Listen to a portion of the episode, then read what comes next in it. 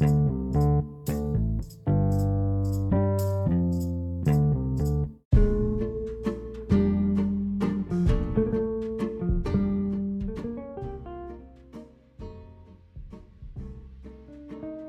assalamualaikum warahmatullahi wabarakatuh. Selamat pagi, selamat siang, selamat sore, selamat malam, selamat subuh bagi kalian para pecinta, para pendengar setia podcast bacotin apa aja. Kali ini kita kedatangan tamu yang sangat sangat sangat spesial gitu ya, yang jadi kayak penantian itu, penantian berharga kata kata kalau kata Rizky Febian itu ya. Jadi ini kita udah tunggu lama-lama dari dulu gitu ya. Akhirnya Mas Akil menyempatkan diri untuk datang ke podcast bacotin apa aja. Apa kabar Mas Akil? Alhamdulillah baik. Oke. Ini ngomong-ngomong nih manggilnya Mas Akil, manggil AA, manggil Kang, manggil Mas atau manggil Bro atau apa nih? Bebas dah eh, seenaknya aja dah. Manggil Mas Akil aja lah ya. Boleh boleh Mas Akil. Mas, eh, kita kali ini mau bahas ini nih kan sekarang bagi musim maba, masa baru gitu. Masa baru kan kayak apa ya? Kayak istilahnya baru menetas dari kurungan SMA SMK gitu dia menetas akhirnya kayak bisa lebih menyuarakan lebih leluasa gitu. Kalau dia mahasiswa kan tahu sendiri kita lebih bebas untuk bersuara dan lain sebagainya. Banyak macam wadah dan lain sebagainya. Artinya kan nanti ketika mereka menjadi seorang mahasiswa mereka dituntut untuk, dituntut untuk aktif dituntut untuk menjadi mahasiswa yang uh, berguna bagi orang-orang di sekelilingnya uh, dan menebar kebermanfaatan nah mungkin uh, sebelum Mas Akil jawab itu boleh dong dikenalin dulu Mas Akil itu siapa dari mana gitu ya silakan Mas Oke oke. Ini langsung ya. oke Oke perkenalkan semuanya. Nama saya Mutawakil Hidayatullah bisa dipanggil Akil. Mahasiswa Ilmu Sejarah Fakultas Ilmu Sosial Universitas Negeri Yogyakarta angkatan tahun 2018. Asal saya dari Situbondo, Jawa Timur. mau dari Jawa Timur ya. Jadi ini sekaligus mengingatkan bahwa nggak semua ketua BEM itu harus berasal dari daerah masing-masing. Banyak kok yang contohnya kayak ketua BEM yang pernah kita kenal ya, banyak banget. Kalau misalkan ketua BEM UI nggak harus dari Depok, nggak harus dari Jakarta. Misalkan ketua BEM UNY nggak harus dari Jogja gitu. Jogja. Tapi siapa pun juga bisa jadi ketua BEM gak harus dari asal daerahnya. Itu no problem. Gitu. Nah ini ngomong-ngomong ya tadi kan udah dikenalin dari ilmu sejarah. Wah kalau ilmu sejarah berarti kan ini terkenal sama orang-orang yang kritis-kritis tuh yang bener-bener terbuka gitu melek sama yang namanya isu-isu ya ini. Tipikal apa ya tipikal uh, anak-anak sejarah. Berarti Mas Akil juga kayaknya udah mengimplementasikan itu sehingga sekarang menjadi ketua BEM gitu asik banget tuh ya nah Mas Akil tadi pertanyaan aku di awal nih apa sih kayak harapan Mas Akil gitu ke maba-maba sekarang khususnya maba-maba UNY yang bentar lagi mau menghadapi PKKMB gitu. Oke, harapan saya ya teman-teman eh, untuk mahasiswa baru tentunya ya kalau kemarin kawan-kawan mahasiswa baru itu berada di bangku sekolah dan terpaku pada buku pelajaran atau terpaku pada apa yang disampaikan oleh guru. Namun hari ini teman-teman eh, mahasiswa baru itu dituntut untuk mencari informasi lebih luas. Perkuliahan ibarat itu adalah gerbang dunia kayak gitu. Gerbang untuk mengenal dunia. Cinta Laura kan sempat menanya eh, menyampaikan ya di podcast eh, salah satu artis ya beliau itu menyampaikan bahwasanya perbedaan mahasiswa dengan orang yang eh, biasa itu terlihat dari sudut pandang kayak gitu mahasiswa akan selalu menggunakan sudut pandang baik sudut pandang A, B, C. Jadi semuanya dipakai kayak gitu untuk uh, menemukan sebuah kesimpulan sudut pandang yang mana yang sekiranya tepat digunakan. Tapi kalau orang biasa, misal anak sekolah itu akan terus-terus menggunakan sudut pandang dengan egosentrisnya sudut pandang dirinya dan sulit untuk menerima apa yang disampaikan oleh orang lain kayak itu beda dengan kita sebagai mahasiswa nantinya ya ketika diskusi ketika membaca dan juga ketika mendengarkan uh, informasi itu kita akan terus mengasah atau memfilter. Lalu nanti kita mencari yang mana uh, yang paling benar kayak itu untuk uh, disampaikan kepada teman-teman. Misal nih uh, kita mengawal sebuah isu uh, ya mau nggak mau kita sebagai mahasiswa akan mencari informasi yang nantinya kita membuat yang namanya diskusi. Setelah hasil diskusi kita membuat yang namanya kajian habis kajian bagaimana hasil kajian itu mempermudah disampaikan kepada mahasiswa diganti ya dibuat menjadi infografis kayak itu jadi uh, itulah perbedaan-perbedaan antara mahasiswa dengan siswa. Namun saya sangat bangga ketika uh, siswa itu mahasiswa itu sudah ada jiwa kritis mengkritisi sesuatu yang salah dan membenarkannya apa yang paling benar itu adalah yang paling ditunggu-tunggu oleh mahasiswa itu. Jadi udah punya bekal dari uh, dari sejak sekolah ya. Nah itu yang menjadi uh, apa ya? Menjadi nilai plus lah buat kawan-kawan yang sudah berpengalaman mengkritisi segala sesuatu sejak di bangku sekolah. Uh, apalagi kan di zaman sekarang ya, eh, zaman sekarang ya di sekarang di situasi sulit ini kan pandemi COVID-19. Jadi uh, kita tahu bahwa banyak maba-maba ya, banyak juga yang sempat curhat kenalan-kenalan maba juga yang pernah gue chat gitu ya. Curhat bahwa mereka uh, cukup sedih gitu ketika kayak apa ya momen-momen seperti ospek atau orientasi lingkungan kampus itu harus dilaksanakan secara online gitu. Seperti nanti kan PKKMB online dan lain lain sebagainya gitu. Dan mungkin hampir ya semuanya dilaksanakan online kebanyakan ya. ini menjadi kesedihan tersendiri bagi masa baru gitu. Tapi kalau menurut Mas Akil apa sebenarnya uh, makna yang bisa diambil oleh maba gitu ya? Meskipun acara nanti PKKMB atau acara ospek ini dilakukan secara online apa sih kalau menurut Mas Akil kayak yang bisa diambil hikmahnya gitu Oke siap. Kalau dulu ya saya di saat masih maba ya, hmm. kebetulan PKKMB-nya itu offline, jadi mudah untuk uh, meresapi atau ya dapat hikmah lah dari kegiatan PKKMB. Misal dari penugasan-penugasan kayak gitu. Penugasan e, ibaratnya ya, saya melihat teman saya yang di kampus sebelah itu penugasannya itu sangat rumit. Membuat esai itu berapa halaman ya. UNY itu mudah sebenarnya, mudah. Dan ya apa apa karena kultur setiap kampus itu berbeda yang sehingga menciptakan uh, mahasiswanya itu juga berbeda dalam memberikan sebuah penugasan lalu bagaimana menanggapi penugasan itu itu juga berbeda. Uh, yang terpenting buat teman-teman mahasiswa baru setiap kegiatan itu terus-terus aktif kayak gitu terus-terus mencari tahu tentang apa yang disampaikan oleh pemateri. Kan biasanya kan kalau PKKMB baik universitas, baik fakultas maupun jurusan itu pasti mengundang yang namanya pembicara. Nah, di sanalah uh, teman-teman itu mencari informasi tentang uh, apa yang disampaikan oleh pembicara. Itu secara tidak langsung menumbuhkan rasa uh, apa ya aktif dan juga kritis seorang mahasiswa itu akan mudah ibaratnya udah terbentuk kayak gitu atau ibaratnya membuat pondasi lah. Mungkin uh, ketika SMA itu pasif banget nah di bangku perkuliahan itu mulai timbul yang namanya aktif responsif segala sesuatu. Yang terpenting teman-teman mahasiswa baru itu nggak perlu apa ya uh, aduh penugasannya ini banyak. Nanti di bangku kuliahan ya teman-teman tetap banyak penugasannya ibaratnya ini kita manasin mesin kayak gitu.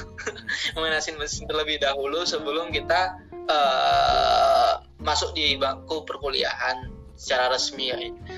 Karena kalau nanti tiba-tiba langsung berhadapan dengan uh, penugasan misal nih ada dua ada sembilan matkul di semester 1 tiba-tiba ada yang namanya membuat makalah ada yang membuat namanya artikel atau nanti presentasi nanti mana uh, harus praktek kayak gitu. Jadi tidak kaget kayak gitu ketika udah berhadapan seperti itu. Apalagi kan sekarang lagi online nih. Nah silakan dimanfaatin media uh, internet atau teman-teman jur membaca jurnal itu dimanfaatin seperti itu. Biar nanti tidak kaget. Di setiap ada uh, tugas-tugas dari dari dosen-dosennya ya. Jadi uh, ambil ambil hikmahnya aja setiap kegiatan PKKMB walaupun online bukan menjadi penghalang kita buat semangat untuk ikut PKKMB pokoknya apa pun situasi yang dihadapi uh, harus di apa ya harus di ya dilaksanakan aja gitu. Di benar-benar dilakukan dengan sungguh-sungguh kalau online ya sebisa mungkin perhatikan materi gitu ya. Jangan lagi ada keluhan-keluhan dan lain sebagainya. Memang semua orang aku yakin juga bahwa maba yang lain emang ya emang sedih sedih sih. Uh, saya sendiri ya Mas Akhil juga waktu pas tahun 2020 juga sama gitu kan online PKKMB nya dan sedih ya jujur sedih ya. Karena kalau menurut saya PKKMB itu adalah momen penting gitu bagi masa baru. Karena di situlah saat-saat orang tuh kayak punya teman baru orang yang udah akrab sejak awal dan lain sebagainya sekarang harus dihadapkan kayak misalkan jadi ya di rumah masing-masing gitu acara beres ya sibuk masing-masing di rumahnya gitu kan tapi kalau ya emang situasinya harus demikian untuk keselamatan banyak orang ya mau gimana lagi kita sebagai mahasiswa juga harus kayak kritis gitu harus memahami oh ya di situasinya lagi seperti ini dan mungkin Mas Akil setuju ya bahwa mahasiswa itu nggak boleh ngeluh nggak sih? Nggak boleh ya? Uh, ngeluh sih ada batasnya. Kalau ngeluh sih gak masalah kan. Maksudnya ngeluh nggak diluapkan ya ngeluhnya. Kalau uh, ngeluh biasa, aduh banyak lagi tugasnya ini, aduh dosa ini. Sambat lah gak masalah ya kalau sambat biasa. Masalahnya tuh uh, tiba-tiba meluapkan emosi kepada dosennya, bu jangan kasih tugas banyak-banyaknya. Aduh nanti itu hilang adabnya nanti pada dosen kayak ini ya udah kayak kayak buku putus asa itu nggak boleh ya putus asa ya nggak boleh putus asa kalau... karena mahasiswa itu itu uh, selalu kuat ya gitu. Apalagi mahasiswa itu sudah punya sejarahnya ada tinta emasnya uh, misal pernah menurunkan rezim. Ibaratnya itu semangat semangat uh, dari mahasiswa itu harus harus ada. Jangan sampai itu hilang. Apalagi hanya karena tugas hanya karena apa hal-hal sepele yang membuat kita itu uh, putus asa. Kita aja pernah sukses uh, menciptakan sejarah dengan berbagai macam merubah dinamika politik di Indonesia gitu. Jadi intinya uh, hal-hal sulit yang dihadapi itu yakinlah bahwa itu nanti bakal berguna ke depannya ya. Kayak misalkan kayak tadi kayak di awal-awal kenapa kayak mahasiswa tuh kayak gini ya ternyata ya ribet. Tapi uh, dia nggak tahu bahwa emang hal-hal itu untuk ke depannya bakal berguna bagi dirinya gitu. Baik itu nanti berpengaruh uh, dalam hal kedisiplinan dan lain sebagainya. Nah tapi kita, kalau kita bahas tentang mahasiswa baru pasti kan mahasiswa mahasiswa zaman sekarang apalagi pemerintah Indonesia ya kayak nuntut pemuda-pemudanya untuk misalkan yang pertama jadi yang pemuda yang memberikan sumbangsi buat negaranya terus yang mempunyai sumber daya manusia yang baik berkualitas cerdas lalu juga kepintaran dan kecerdasan itu uh, dilandasi dengan itu jiwa nasionalisme dan patriotisme. Karena uh, apa ya ada yang bilang pinter banyak cerdas banyak. Di Indonesia itu banyak banget. Tapi pinter dan cerdasnya mereka banyak yang enggak dilandasi dengan cinta tanah air. Jadi buat memajukan Indonesia itu percuma. Jadi dia kayak cuma mikir buat dirinya sendiri. Nah kalau menurut Mas Akil kayak harus seperti apa sih mahasiswa baru gitu jadi mahasiswa yang berkualitas itu menurut Mas Akil itu yang seperti apa gitu? Apakah mahasiswa yang harus mengikuti misalkan ikut BEM atau gimana gitu Mas Akil? Mahasiswa yang berkualitas ya? Saya teringat apa yang disampaikan oleh siapa? Bung Hatta ya. Tugas eh uh, tanggung tanggung jawab kaum inteligensi. Jadi tugas universitas itu menciptakan manusia yang berkarakter itu di salah satu uh, apa yang disampaikan oleh Bung Hatta ya. Jadi ada banyak beberapa hal yang disampaikan tugas universitas kayak itu atau fungsinya. Ada satu hal yang perlu kita tanamkan bersama kayak gitu ya. Yaitu mencetak watak yang berkarakter. Watak ialah uh, yang dimaksud oleh Bung Hatta adalah menyampaikan apa yang benar dan menyalahkan apa yang salah kayak gitu. Karena melihat kondisi sekarang Indonesia itu kekurangan orang-orang jujur, orang-orang yang berani menyuarakan kebenaran kayak gitu. Kita paling kurang di sana. Sehingga ketika ada orang yang bertanya ya salah satu tokoh politik menyam, pernah menyampaikan apa sumbangsimu pada negeri ini ya.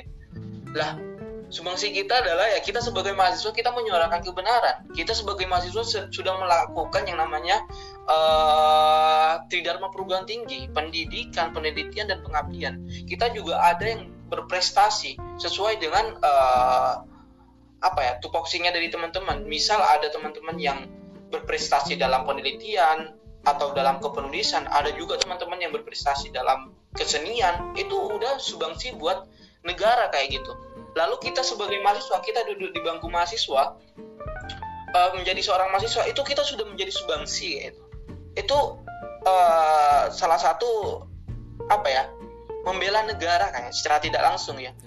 Karena kita udah menciptakan yang namanya investasi pendidikan. Investasi pendidikan ini yang dimaksud adalah kita uh, mencari ilmu lalu mempunyai karakter yang berkualitas seperti yang tadi aku sampaikan lalu uh, apa ya membantu setiap permasalahan uh, di tengah masyarakat yang terjadi di tengah masyarakat itu apa nanti dibantu oleh teman-teman yang mengabdi kayak gitu.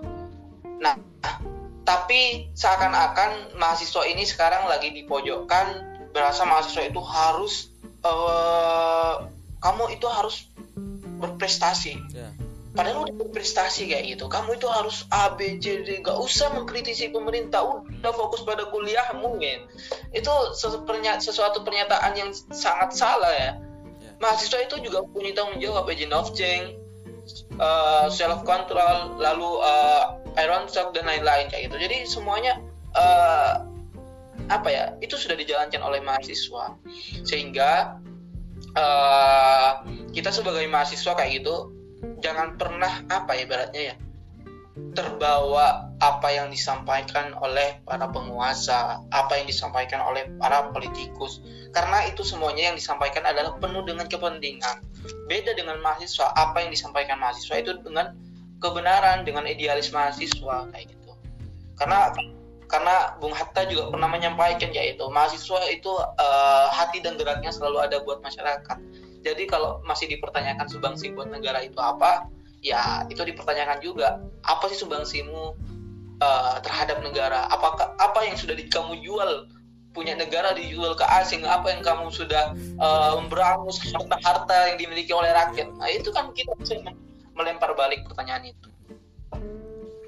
Jadi ada semacam apa ya jadi ya emang kayak segala satunya kan kayak pemerintah kan selalu di atas kekuasaan gitu. Jadi selalu menganggap yang di bawah mungkin mahasiswa disebut di bawah mungkin. Ya. kalau menurut mereka ya kayak nggak ada apa-apanya gitu. Jadi selalu menuntut ke kita apa yang bisa kalian berikan pada kita? Jadi kita nanya apa yang apa yang sudah anda anda jual ke mereka gitu. Tapi kalau kalau bahas itu bahaya nih podcast ini bisa bubar gitu itu tuh ya tuh saya ada undang-undang itu ya, gitu. atau atau ini dipending ini podcastnya. Kalau dipending ulang lagi ya jauh lagi gitu. Aduh pokoknya nih buat mahasiswa ya ini kan kayak ada undang-undang ITE gitu ya. Itu kan kayak orang-orang tuh takut tuh menyuarakan pendapat demo salah turun ke jalan salah. Sekarang kan alasannya covid turun ke demo ya. sekarang media sosial alasannya ada undang-undang ITE jadi kita harus gimana gitu. Jadi kayak terkurung aja gitu. Tapi ya namanya mahasiswa nggak pernah apa ya sepakat kan kayak nggak pernah untuk berhenti untuk me, apa tidak pernah berhenti untuk menyuarakan hati rakyat gitu. Mana kalau bukan kita ya siapa lagi gitu. Kalau bukan kita yang peduli peduli itu siapa lagi mahasiswa juga kan Mas Akil? Kalau misalkan demo kalau misalkan aksi itu kan nggak cuma mahasiswa kadang masyarakat juga ikut mas ormas dan lain sebagainya atau Iya. SMA SMK juga kadang ada yang ikut ya. Meskipun uh, yang cukup lucu kan kadang ada juga ya yang ikut demo tapi nggak tahu itu mau demoin apa. Jadi ikut ikutan aja gitu. Itu pernah lihat saya tuh di apa di videonya Pak Ganjar tuh yang wawancara anak SMK itu. Nah, pokoknya gitulah mas. Jadi uh, kesimpulannya tadi ya tadi Mas Akil udah menjelaskan berbagai macam mahasiswa yang berkualitas itu seperti apa. Jadi diharapkan maba-maba nanti nih yang dengar podcast ini mungkin ada nanti ya bisa diharapkan seperti yang tadi diomongkan oleh Mas Akil itu. Ya, harus kritis gitu. Karena masa-masa SMA dengan masa-masa kuliah itu udah jauh berbeda gitu. Atau kalau misalkan kalian mikirnya kan saya di SMA udah gabung osis osis udah membuat saya lebih baik. Ya bener udah buat anda lebih baik. Tapi kalau misalkan kita bandingkan dengan bem misalkan ya itu akan jauh berbeda ininya apa jangkauannya. Tantangannya. Gitu. Tantangannya juga beda kok. Iya tantangannya beda juga. Ya ini urusannya kalau bem udah ke hal-hal yang besar gitu ya. Kalau osis ya paling ngurus-ngurus yang internal sekolah aja gitu. Nah ini ngomong-ngomong sekarang Mas Akil tuh sibuk apa nih? Waduh ditanya sibuk nih. Aduh. Eh, sekarang sih kesibukannya itu ya mencoba mencari eh, apa ya tokoh-tokoh yang sekiranya bisa dibuat kerjasama untuk mengawal isu-isu baik di kampus maupun di nasional itu jadi aku eh, bergerilya sih. Bergerilya eh, mendatangi orang-orang sehingga eh, itu buat menguatkan eh, perjuangan kita kayak gitu. Saya yakin juga eh, apa ya orang-orang yang mempunyai eh, baik jabatan di kampus maupun jabatan eh, di lembaga itu masih ada idealisnya kayak gitu jadi bisa kita eh, coba rangkul bareng-bareng buat bergerak bersama lalu kesibukan yang kedua eh, sering-sering ini sih eh, diskusi dengan teman-teman aliansi baik eh, aliansi untuk uh, mengawal isu nasional maupun juga di regional. Khususnya ya, saya sering-sering berdiskusi dengan uh, aliansi masyarakat peduli pendidikan Jogja kayak gitu. Di mana aliansi ini untuk mengawal isu-isu pendidikan di sekolah-sekolah. Kebetulan ini juga menjadi uh, program advokasi pendidikan di BMKM UNY sehingga apa ya baru tahun ini juga BMKM UNY bisa merilis advokasi ya gitu. Dari tahun-tahun sebelumnya masih belum ada. Jadi sekarang kita coba uh, bergerak bersama dengan aliansi-aliansi juga kayak gitu. Karena tanpa tanpa mereka atau tanpa aliansi ya kita nggak bisa apa-apa juga. Karena sekarang ajangnya bukan um, uh, kamu bem apa kamu uh, mahasiswa enggak. Sekarang ajang kolaborasi kayak gitu. Ajang kolaborasi. Kita tidak bisa bergerak sendirian. Penuh harus dengan kolaborasi. Lalu ya sekarang juga lagi ini sih revisian uh, proposal. Iya, proposal skripsi rencana juga mau sempro juga Oke, ini berarti Ya. Mas Akil udah apa ya mahasiswa tingkat akhir ya? iya se- iyalah semester tujuh sekarang Semester- tujuh aduh ya Dan Allah udah udah soalnya kita- bagi orang yang fok- memfokuskan diri ke tiga hal mungkin ya apa bisa kategoriin yang pertama ke hal yang tadi kewajiban sebagai Mas Akil sebagai ketua BEM KMUN-nya terus yang kedua mungkin kesibukan pribadi mungkin kalau ada hobi dan sebagainya. Kalau yang ketiga ya tadi kayak urusan kewajiban yang emang sebagai mahasiswa tadi gitu bikin skripsi. Itu gimana sih Mas Akil? Kayak ngaturnya itu kan pusing pasti kan? Ngatur waktunya Eh, tuh? Iya ya emang em- memang pusing sih kalau eh, masalah mengatur waktu ya.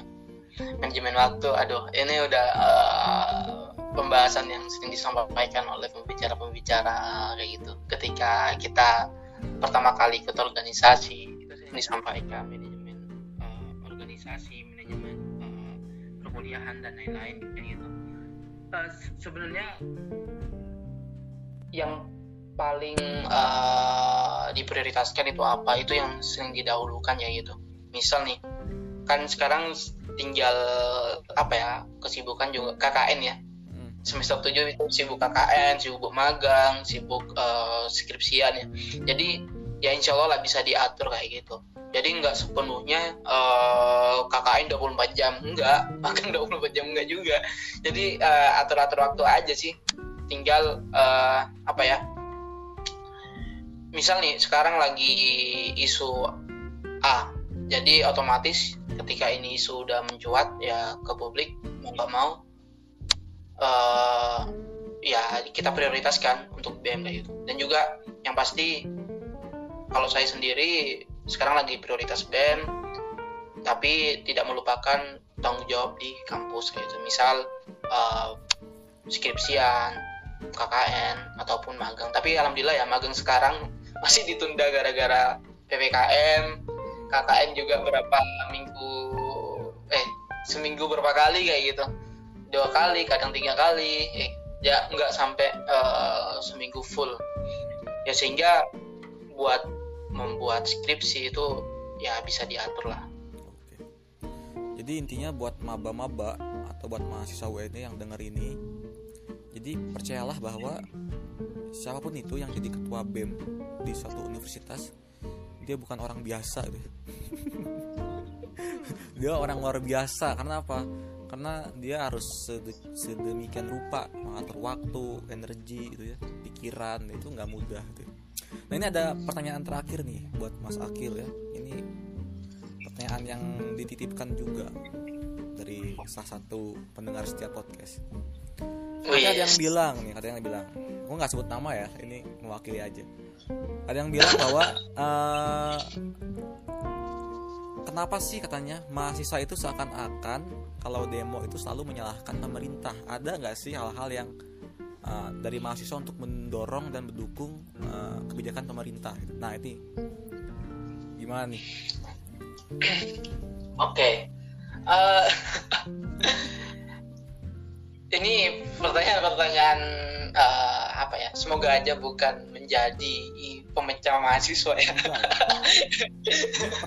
Tapi kita juga harus sadar kayak gitu.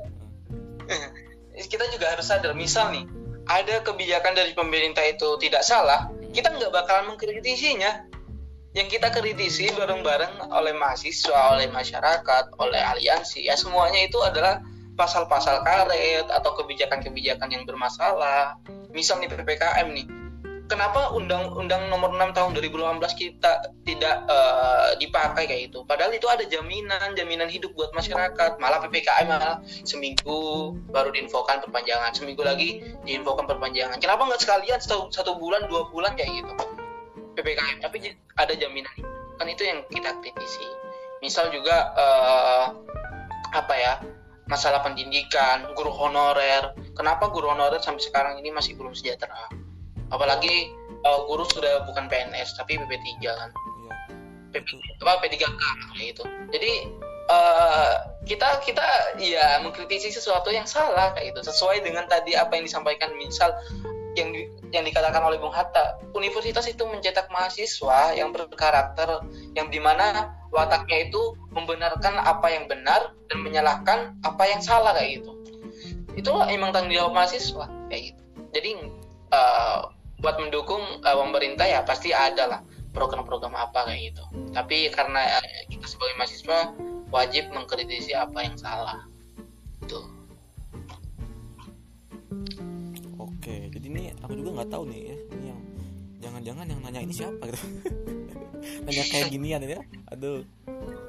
Di pihak mana nih yang nanya ini? Kira-kira aduh. Sebenarnya sebenarnya aku agak waspada ya kalau nanya-nanya kayak gini ya. Soalnya takut ada siapa gitu tapi kalau jawabannya menyinggung pihak mana nanti aku di ini diserang mas. Aduh. Nanti podcast aku bisa keluar mas. Pokoknya dari kemarin sama pas sama ketua BMKM UGM sama Unair bener-bener kaku banget ya itu. Sama kayak Mas Akil gini nih. Jadi kayak nggak bisa leluasa mau bahas apanya tuh. Takut salah ngomong gitu intinya mah. Itu tapi uh, sangat beruntung sih podcast BAA udah bisa mendatangkan dan udah dihadiri sama Mas Akil ya. Terima kasih ya Mas Akil. Ya sama-sama. Nah, jadi ini kita kayak ngobrol santai aja lah gitu ya. Lagi ini kita kan maba-maba udah mulai bermunculan gitu ya. Tentu dengan situasi yang lain gitu ya. Nggak kayak biasa biasanya gitu. Di hadapan situasi yang online online ini serba online nanti kayak nanti ada Teman nih, virtual ya? nanti ada nih muncul hashtag nih maba nih ya. Kayaknya aku yakin pasti kalian kayak gitu nanti ya. Nanti hashtagnya eh jangan deh. Tapi biasanya ya biasanya nanti kalau udah kuliah zoom atau gimit itu biasanya kebanyakan off cam sih sambil tiduran. Aduh astagfirullahaladzim itu aku sendiri kayaknya gitu. Kayaknya pengalaman ya? Hah? Siba pengalaman ya? Jangan-jangan aku sendiri yang kayak gitu ya off cam sambil tiduran itu karena udah gak kuat aja gitu aduh kenapa harus seperti ini? Tapi kalau pagi-pagi ya bangun-bangun disuruh kuliah gitu. aduh kalau disuruh on cam tuh nggak nggak kuat itu nggak bisa gitu. Masih ngantuk gitu aduh. Kadang-kadang aduh ini jadi kalau yang denger ini dosen bahaya nih. Oh, ternyata gitu. Ya tinggal nanti aku laporin aja sih Waduh. ke dosennya. Salahnya ini aku curhat sama ketua bim lagi aduh ya kan berarti nanti aku laporin aja Aduh. Nanti bubar ya. Bubar, sumpah bubar ya podcast ini. Tapi untuk uh, pokoknya kalau di persenin lah. Seberapa yakin Mas Akil lihat semangatnya mau maba di tahun sekarang dari 1 sampai 100 persen. Seberapa yakin semangatnya? Tingkat semangatnya berapa persen? semangat menjalankan perkuliahan Iya, atau semangat apa ya? Boleh Oke, semangat perkuliahan. Kalau awal-awal saya yakin itu 100% sih.